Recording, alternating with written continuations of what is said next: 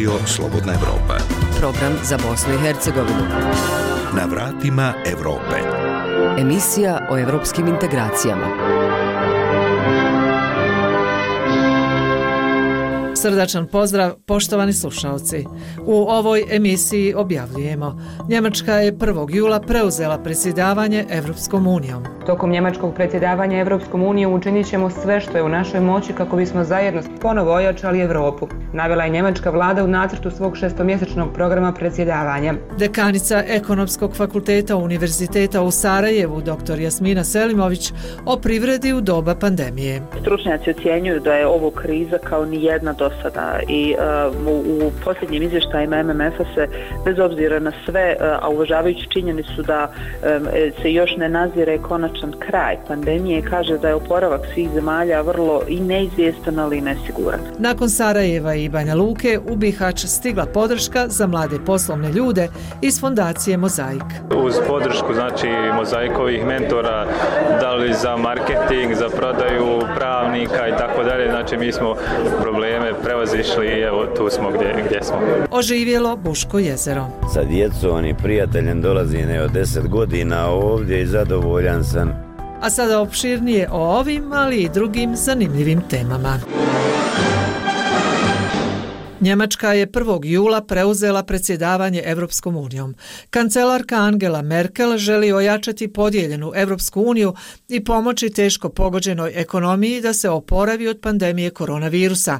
Navela je da će učiniti sve kako bi pomogla postizanje sporazuma o oporavku privrede u vrijednosti od 750 milijardi eura, naglašavajući da će njena zemlja igrati poštenog posrednika u pregovorima.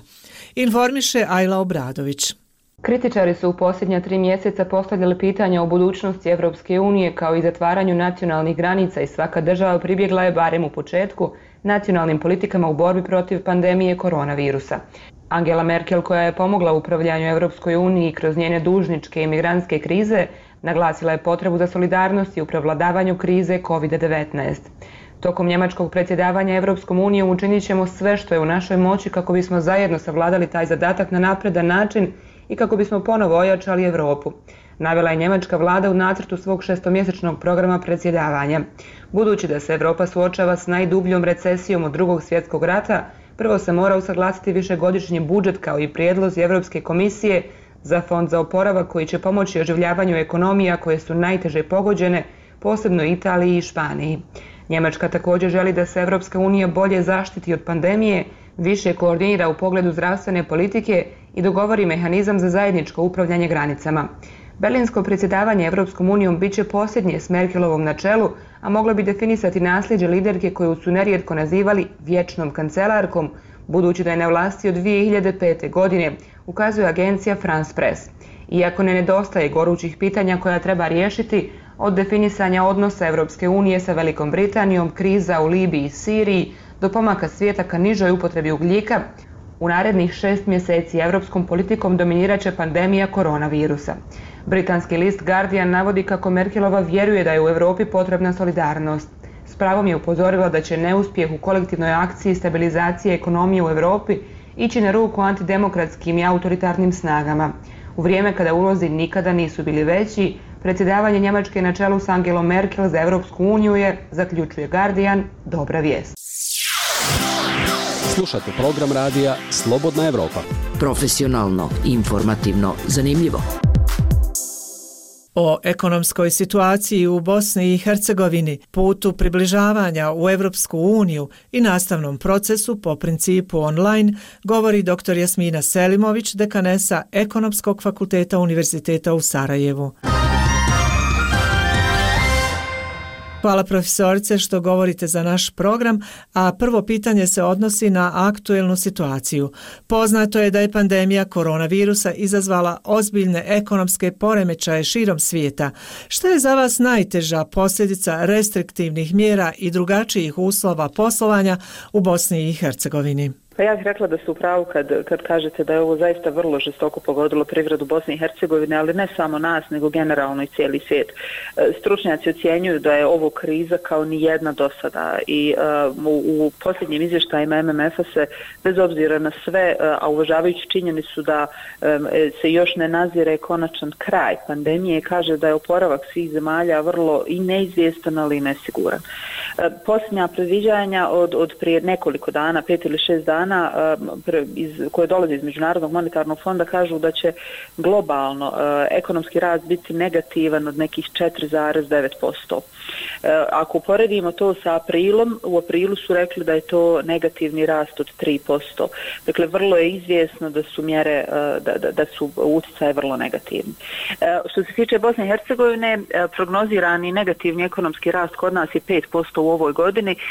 Daljih nekih podataka preciznih još uvijek nema, međutim, ako projiciramo ovo što se dešava u svijetu, ove pokazatelje iz svijeta na Bosnu i Hercegovinu, onda je e, realno očekivati da taj pad bude i veći e, mislim da izmijenjene potrošačke navike, e, činjenica e, da to rezultira smanjenjem potrošnje je ono što je najteža ekonomska posljedica koju mi imamo. E, naime, to e, smanjena, smanjena potrošnja direktno utječe na smanjenje proizvodnje, a kao rezultat toga imamo veliki gubitak radnih mjesta. Svjedoci smo toga da su mali obrti zatvoreni, da velike kompanije zatvaraju pogone ili smanjuju uh, broj uposlenih, mnogo ljudi gubi posao, a kao naravno logična posljedica toga jeste da je punjenje budžeta na svim nivoima smanjeno.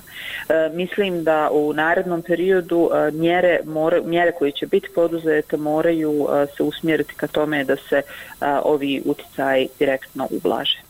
Da se okrenemo malo budućnosti, ipak kako vidite oporavak BH ekonomije? Šta su prema vašem mišljenju kratkoročne, a šta dugoročne mjere? Pa evo da opet krenem sa ovim što kaže MMF, na neki način na to se e, svi relevantni autoriteti oslanjaju e, u, u budućnosti. E, Bosni i Hercegovini se prognozira rast od nekih 3,5 do 4%. Međutim, stručnjaci kažu da ćemo mi ne samo u Bosni i Hercegovini, nego i u cijelom svijetu tek krajem 2022. doći do nivoa iz 2019. godine, iz decembra 2019. dakle neposredno prije pandemije. U našem konkretnom slučaju e, smatram da kratkoročne mjere moraju biti usmjerene ka e, poticanju e, kupovine domaćih proizvoda. Na taj način doći ćemo do toga da prilagodimo potrošačke navike, da, e, dakle, ako iniciramo potrošnju, e, to direktno će uticati na, rad, na povećanje broja radnih mjesta, na povećanje proizvodnje i na punjenje budžeta. E, moramo koristiti naše domaće kapacitete, evo, u, u svemu ovome što se dešava, svjedoci smo svi da je turizam u Neumu, dakle, turizam jeste brzo rastuća grana, međutim, pretrpio je vrlo teške udare u posljednjim mjesecima, a evo svjedoci smo da je ovo što se sada dešava, odnosno činjenica da su zatvorene zatvorene granice, dakle da je u, u, u rezultiralo tim da u Neumu se poveća broj turista i to su stvari koje moramo koristiti. Ako pričamo o dugoročnim mjerama, onda poticanje javnih radova svakako, ali povećanje i povećanje nivoa direktnih stranih investicija. Ukoliko dovedemo direktne, odnosno strane investitore u Bosnu i Hercegovinu, onda ćemo sasvim sigurno otvoriti prostor za rast i oporavak ekonomije da bi doveli direktne strane investitore ovdje, a, moramo osigurati povoljnije uslove poslovanja. Zato nam treba politička stabilnost, zato što je strani kapital plašljiv. Dakle, mi moramo povesti računa o tome da se kompanije ne mogu registrirati neograničen broj dana, da se dozvole ne mogu dobivati po 200-300 dana, da to moraju biti procesi koji se a, realiziraju dosta brzo u kratkom vremenskom periodu i tad možemo računati na strane investitore da dođu u Bosnu i Hercegovinu. Bosna i Hercegovina još uvijek nije dobila status kandidata za članstvo u Evropskoj uniji. U preporukama Evropske komisije privredne reforme su dobile značajno mjesto, ali one još uvijek nisu prioritet za BiH vlasti. Koliko bi provođenje ovih reformi ojačalo privredu, ali istovremeno ubrzalo proces integrisanja? Sasvim je sigurno da e, set, set mjera koji je predložen bi značajno ojačalo privredu Bosne i Hercegovine i olakšalo nam proces integrisanja. Koliko bi ubrzalo, e, sad je o tome teško govoriti, međutim da bi olakšalo, to je sasvim sigurno. Međutim, mi se tu opet vraćamo na e, ono što su, nažalost, političke odluke. Smatram da političari u Bosni i Hercegovini naprosto ne pokazuju dovoljan stepen ni odgovornosti, ni ozbiljnosti. Mi smo vrlo često taoci određenih politikanskih poteza pokušaj nekog populističkog djelovanja, a e, svjedoci smo e, svi evo posljednjih e, situacija kad se predstavnici izvršne vlasti nisu mogli dogovoriti samo oko podjele sredstava pomoći koji su dolazili u, Bosni, u Bosnu i Hercegovinu iz, iz određenih, slobodno mogu reći, politikanskih ili i populističkih namjera. Mislim da bi da preduslov dakle za za implementaciju uh, mjera koje su um, navedene u preporukama Evropske komisije moraju postati prioritet BH vlasti i da uh, građani moraju tražiti malo veći stepen odgovornosti i uh, da moraju uh, odlučiti i podržati onu vlast koja će zaista bezrezervno raditi u interesu građana ove zemlje. Vaš, odnosno ekonomski fakultet, kao i druge obrazovne institucije, imao je online nastavu za studente. Šta je pokazala ta nastava i za mlade ljude i za nastavni kadar? Pa, e, mladi ljudi su u ovom procesu pokazali još jednom e, sve svoje kvalitete. Pokazali su da su, e, mnogo, da su zaista zainteresirani za, za e, nastavni proces, pokazali su visok stepen odgovornosti. A, i naravno fleksibilnosti i proaktivan pristup. Ono za što e, uobičajeno starije generacije nisu možda toliko zainteresirane. E, za sam fakultet, e, fakultet je dosta e, brzo reagirao na ovo što se dešavalo. E, kolektiv ekonomskog fakulteta su e, ljudi koji su e, na neki način naviknuti na, na, na određene reforme i mi kao institucije, bez obzira na broj uposlenih, zaista nismo trom sistem. E, mislim da smo svi zajedno i nastavnici, ali i naši studenti e, bili vrlo responsivni u ovom u ovom procesu, ali ja bih rekla i dosta fleksibilni naravno uz maksimalno maksimalna nastojanja da se akademski kvalitet održi. Mi smo evo svjedoci velikog odlaska iz Bosne i Hercegovine, ne samo mladih osoba, što je sada zbog koronavirusa zaustavljeno. S obzirom da ste u kontaktu sa studentima, da li ste stekli zaključak šta ih najčešće tjera da odlaze iz domovine? E, mislim da mlade ljude najviše tjera neuređen sistem. E, veliki stepen nesigurnosti, e, posebno političke nesigurnosti. E, ja smatram da mladi ljudi u našoj zemlji zaista nisu lijeni. Velika većina njih je spremna da sebi stvara poslovne prilike, ali smatram da se mladim ljudima ne posvećuje dovoljna pažnja. Mi znamo da naši mladi uspiju u drugim zemljama i onda se postavlja jednostavno pitanje zašto ne mogu i ovdje pokazati sve svoje kvalitete. Mislim da mi u narednom periodu moramo što hitnije preduzeti svi odgovorni u ovom procesu i predstavnici izvršne i zakonodavne vlasti, ali i predstavnici akademske zajednice poduzeti cijeli niz različitih mjera da mlade ljude ostavimo u ovoj zemlji. Naravno, svako sa svoje strane ono što je moguće. Mislim da nijedna država ovako nešto sebi ne smije dozvoliti, jer procjene su da jedan mladi čovjek, ako ode iz zemlje, ovu zemlju košta 1 milion konvertibilnih maraka. Mislim da nismo toliko bogati da to sebi i smijemo i trebamo dopustiti. Vi ste među najmlađim dekanima, možda i najmlađi dekan u Bosni i Hercegovini. Da li upravo to, to povjerenje i prilika nedostaje mladim generacijama? Smatram da mladi ljudi nemaju dovoljno prilike da pokažu uh, ono što znaju. E, mislim da u ovoj zemlji još uvijek ima ljudi e, starih generacija od kojih se može učiti, ali e, smatram da mi trenutno ne gajimo E, E, kulturu e, i, i navike gdje se svaki trud i rad nagrađuju, a znanja adekvatno tretira. E, mislim da na tome moramo što hitnije i što brže djelovati, da to postane tako, da mi postanemo društvo jasnih moralnih vrijednosti, društvo u kojem će zaista svako znanje biti adekvatno nagrađeno, gdje ćemo ljude birati po stručnosti i kompetencijama. A mladim ljudima obratiti njima više pozornosti, dati im prilike i ja sam sasvim sigurna da oni te prilike neće iznevjeriti. Govorila je dr. Jasmina Selimović, dekanesa Ekonomskog fakulteta Univerziteta u Sarajevu. Zanima vas što se dešava u regiji? Radio, TV, video. Sve možete naći na slobodnaevropa.org. Nakon Sarajeva i Banja Luke i u Bihaću je otvoren startup studio Fondacije Mozaik. Prostor u samom centru grada mjesto je gdje će mladi poduzetnici iz Unsko-Sanskog kantona osim finansijske dobiti i svaku drugu vrstu stručne pomoći u pokretanju, odnosno razvoju vlastitog biznesa. Zabilježila Dženita Duraković. Almir Čehić, mladi je poduzetnik iz Bosanske Krupe koji uz podršku fondacije Mozaik prije nekoliko godina pokrenuo vlastiti biznis pod nazivom Sigurna ruka. Danas njegova firma koja nudi usluge čišćenja i održavanja poslovnih i stambenih objekata te brigu za stare i iznemogle osobe upošljava 10 radnika. Bilo je i uspona i padova, međutim uz, uz podršku znači mozaikovih mentora, da li za marketing, za prodaju pravnika i tako dalje, znači mi smo uh, sve te probleme prevazišli i evo tu smo gdje, gdje smo. Uspješna saradnja fondacije Mozaik sa gradskom upravom Bihaća kroz program Omladinske banke rezultirala i otvaranjem startup studija koji će mladima iz Unsko-Sanskog kantona koji pokreću ili su pokrenuli vlastiti biznis, osim finansijske, pružiti i svaku drugu vrstu podrške i pomoći da njihovi biznisi uspiju. Šuhret Fazlić, gradonačelnik Bihaća. Zaista s ovim ponosim. Dakle, vi vidite ovaj prostor. Ovo je centar grada, ovo je moglo biti izvaredna e, restoran, moglo je biti kafić, mogla je biti kafana, mogla je biti banka, moglo je biti osiguravajuće društvo. Mi smo se opredijeli za ovo i mislim da od ovoga treba praviti nekako e, kultno mjesto mladih poduzetnika koji će ovdje dolasti, koji će ovdje razvijeti svoje ideje, koji će raditi. Zoran Puljić, direktor fondacije Mozaik.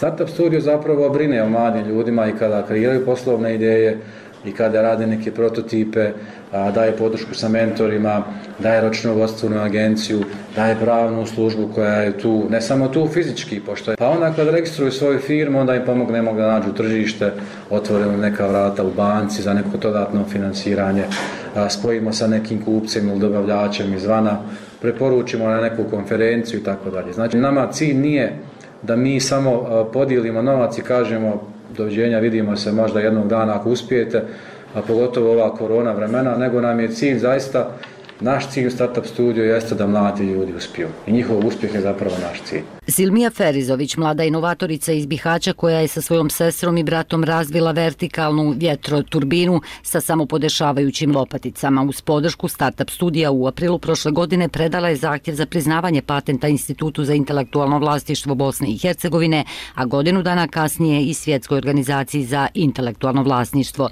Pored stručne podrške u izrade dokumentacije i testiranju, fondacija Mozaik ovaj mladi tim podržala je sa 7,5 hiljada maraka.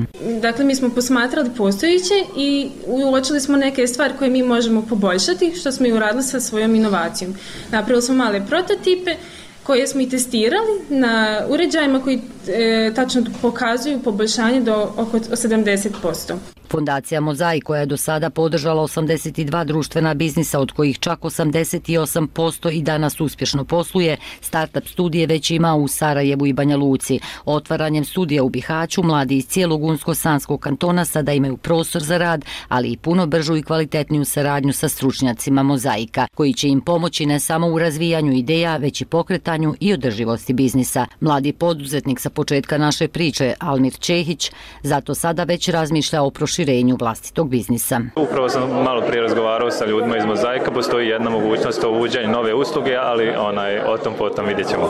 Dženan Šarić, menadžer za razvoj biznisa Fondacije Mozaik kroz program ovaj, koji je prisutan Omladinske banke dajemo određene grantove za takozvane mikrobiznise, odnosno ovaj obrtnički dio. Kroz Startup Studio ćemo gledati da razvijamo poslovne modele koji su uh, na nevećem nivou, ajde da kažemo DO. Uh, eh, teško je govoriti, mislim, nama, nas uh, fond koji postoji za ulaganje ove godine uh, negdje, evo recimo sad još uvijek je dostupan neki 600.000 konti baraka. On je uvijek dostupan za, za, za ulaganje. Pitanje je samo kvalitete ideje i onoga da imate da uložite. Nije poenta plasirati kapital kapital. Poenta je da taj kapital oplodimo u stvari da on napravi neki rezultat. Tako da, ako bude ideja kvalitetnih na ovoj regiji, svakako to je nije prepreka od 3 do 10 da se napravi ovaj ulaganja. Tako da, evo, na neki način puno je i do mladih ljudi koji će dolaziti ovde u stvari ono što će oni želeti da razviju i da, da, da, da daju sebe, ajde da kažemo u to. Jer poduzetništvo u stvari je rad, je li rad, rad, rad na sebi, rad na poslovnom modelu. Reforme za Evropu.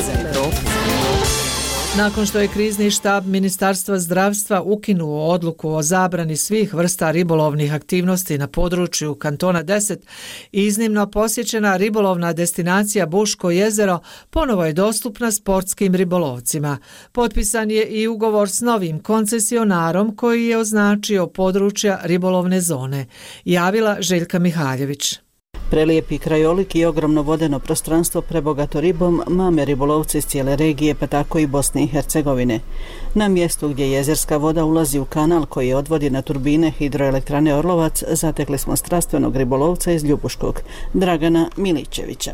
Sa djecom i prijateljem dolazi ne od deset godina ovdje i zadovoljan sam uvijek sam uljudno primljen kod ljudi i lijepo je za odmor i dušu i tijelo, da se i uvat koja riba i ne znam šta da vam kažem. Do sadašnje iskustva oko Buškog jezera, koliko je to povoljna destinacija u odnosu na druge lokacije?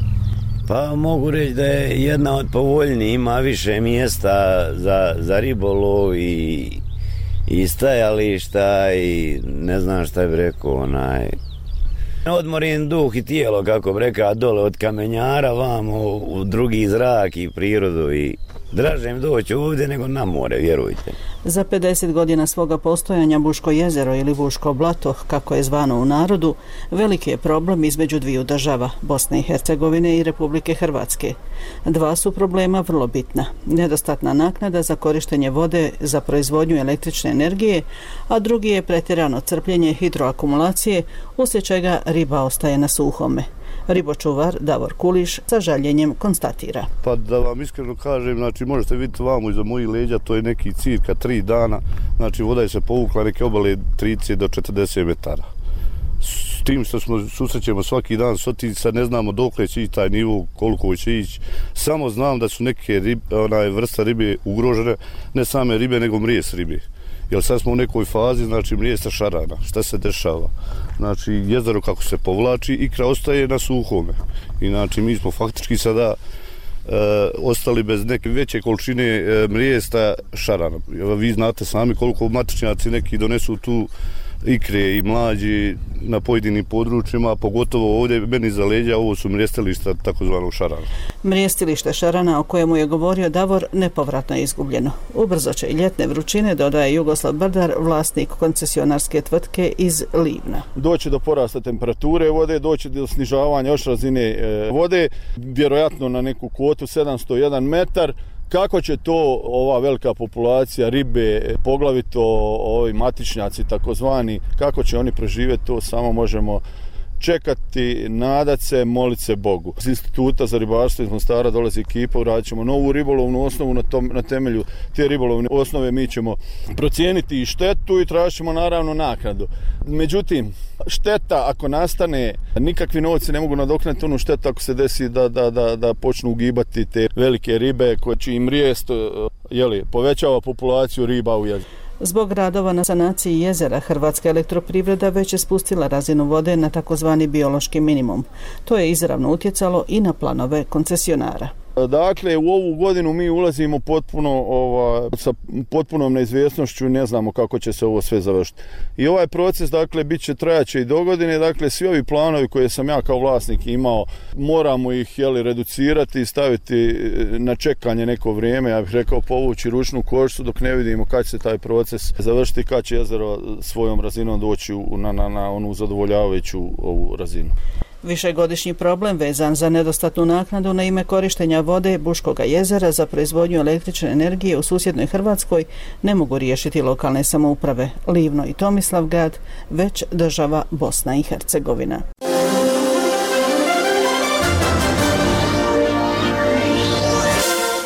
I pored brojnih restrikcija u svakodnevnom životu zbog epidemiološke situacije, tri učenice iz Bratunca, Valentina Matić, Manuela Vujić i Milica Stajić, marljivo se pripremaju za učešće na najvećem dječijem muzičkom takmičenju pod nazivom Ritam Evrope. Na ovom zanimljivom festivalu najmlađi pjevaju pjesme koje potiču iz evropskih država. Kako je zabilježio naš dopisnik Sadik Salimović, njih tri su se odlučile za Norvešku uz nadu da bi kao pobjednice takmičenja mogle posjetiti ovu zemlju.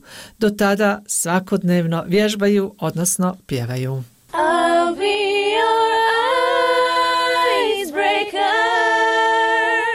Stuck in frozen water. Valentina, Milica i Manuela, tinejdžerke iz Bratunca, odabrane su za regionalno takmičenje i redovno obavljaju pripreme. Svoju numeru izvode na norveškom i engleskom jeziku. Valentina ističe da poslije svake probe osjeća napredak. E, pjesma se izvodi na engleskom, početak pjesme se izvodi na norveškom, bit će nam teže malo da izgovaramo riječi, ali snalazimo se uz pomoć e, ovih profesora, ajmo tako da kažem da se zovu. Imamo probe svake subote, ali se smenjuju koreograf i muzički direktor. Probe nisu toliko naporne, znači ljudi koji rade sa nama su izuzetno stručni, znaju svoj posao prosto i mislim da nam dosta, dosta pomažu. Evo već sad uh, može da se primijeti neki napredak naravno. Zvat ćemo pjesmu Icebreaker od nor norveške pjevačice Agnete i mislim da uz njihovu stručnu pomoć da stvarno možemo da obezvidimo sebi plasman od to je odlazak u Norvešku. Ovo je jedno od najznačajnijih muzičkih takmičenja za djecu u regionu. Radovan Petković, direktor Bratunačkog doma kulture, koordinira svim aktivnostima. E, Ritam Evrope ponudio brat, opštine Bratunac i Domu kulture ovu saradnju. Mi smo naravno prihvatili e, u interesu naše talentovane djece da im pružimo priliku da se prikažu jer ova, ovo takmičenje posle priprema u koji se, koje se rade već u Domu kulture. E, takmičenje se odvija tako što naša djeca izvode norvešku pjesmu u dogovoru sa njima. E, nastupaju sa tom norveškom pjesmom na takmičenju i pobjednik e, takmičenja ide u Norvešku, a opet e, predstavnici Norveške ambasade dolaze u Bratunac na sastanke sa opštinskim rukovodstvom. O ideji da se uključi u ovaj projekt Valentina kaže. A, ideja da se priključim ovom projektu jeste a, doprinuo moj naravno talent za muziku koji gajim od, ma, od malena, tako da naravno čim sam vidjela da audicija dolazi tako u naš grad, odmah sam se prijavila bez ikakvih nedoumica i evo drago mi je da su članovi žirija sastavili jednu ekipu, jedan trio ovaj, koji nadamo se može da donese i pobjedu naš grad. Milica Stajić presretna je što će nastupiti na manifestaciji Ritam Evrope. Za takmičenje sam se prijavila uz pomoć Valentine zato što nisam znala da će biti pa mi ona rekla. Zajedno smo nas tri se prijavile, također su bile još dvije djevojčice, ali nažalost nisu prošle. E, velika nam je čast da se da učestvujemo u ovom takmičenju, tako da potrućemo se da uspijemo. Ljubav prema pjesmi Manuela Vujić gaji još od malih nogu. I mnogo mi znači što sam u ovom takmičenju jer to podiže moje znanje i moj plasmas za dalju budućnost. Jer, na primjer, ja planiram da upišem Artimediju i to bi meni jako značilo ta škola. Tako da a, ovo takmičenje mi jako pomaže u tom uspjehu. A, zašto želim Artimediju? Zato što bi mi ona, na primjer, ako planiram da se bavim pre, pjevanjem kroz dalju budućnost, ona bi mi doprinjela još više da ja u tome uspijem, jer bi me ona pogurala u te neki svijet muzike. Kultura ruši barijere i otvara vrata Evrope, kaže Radovan Petković. Kultura je uvijek bila važan e, stup i mi se u suštini svi borimo e, u pozadini za neku tu kulturu, pored ekonomije, naravno prava i svega. Republika Srpska je sa ovim otvorila vrata, e, kulturna vrata Evropi i mislim da, da je ovo vrlo važno da na ovaj način sarađujemo i sa Evropom i sa cijelim svijetom, naravno, zašto da ne. Ove 15-godišnje djevojčice iz Bratunca marljivo rade na pripremama. When you're stuck in frozen water, frozen water. Toliko u našoj današnjoj emisiji, poštovani slušalci. Hvala na povjerenju i ugodno poslijepodne žele vam Zoran Mijatović i Gordana Sandić-Hadži Hasanović.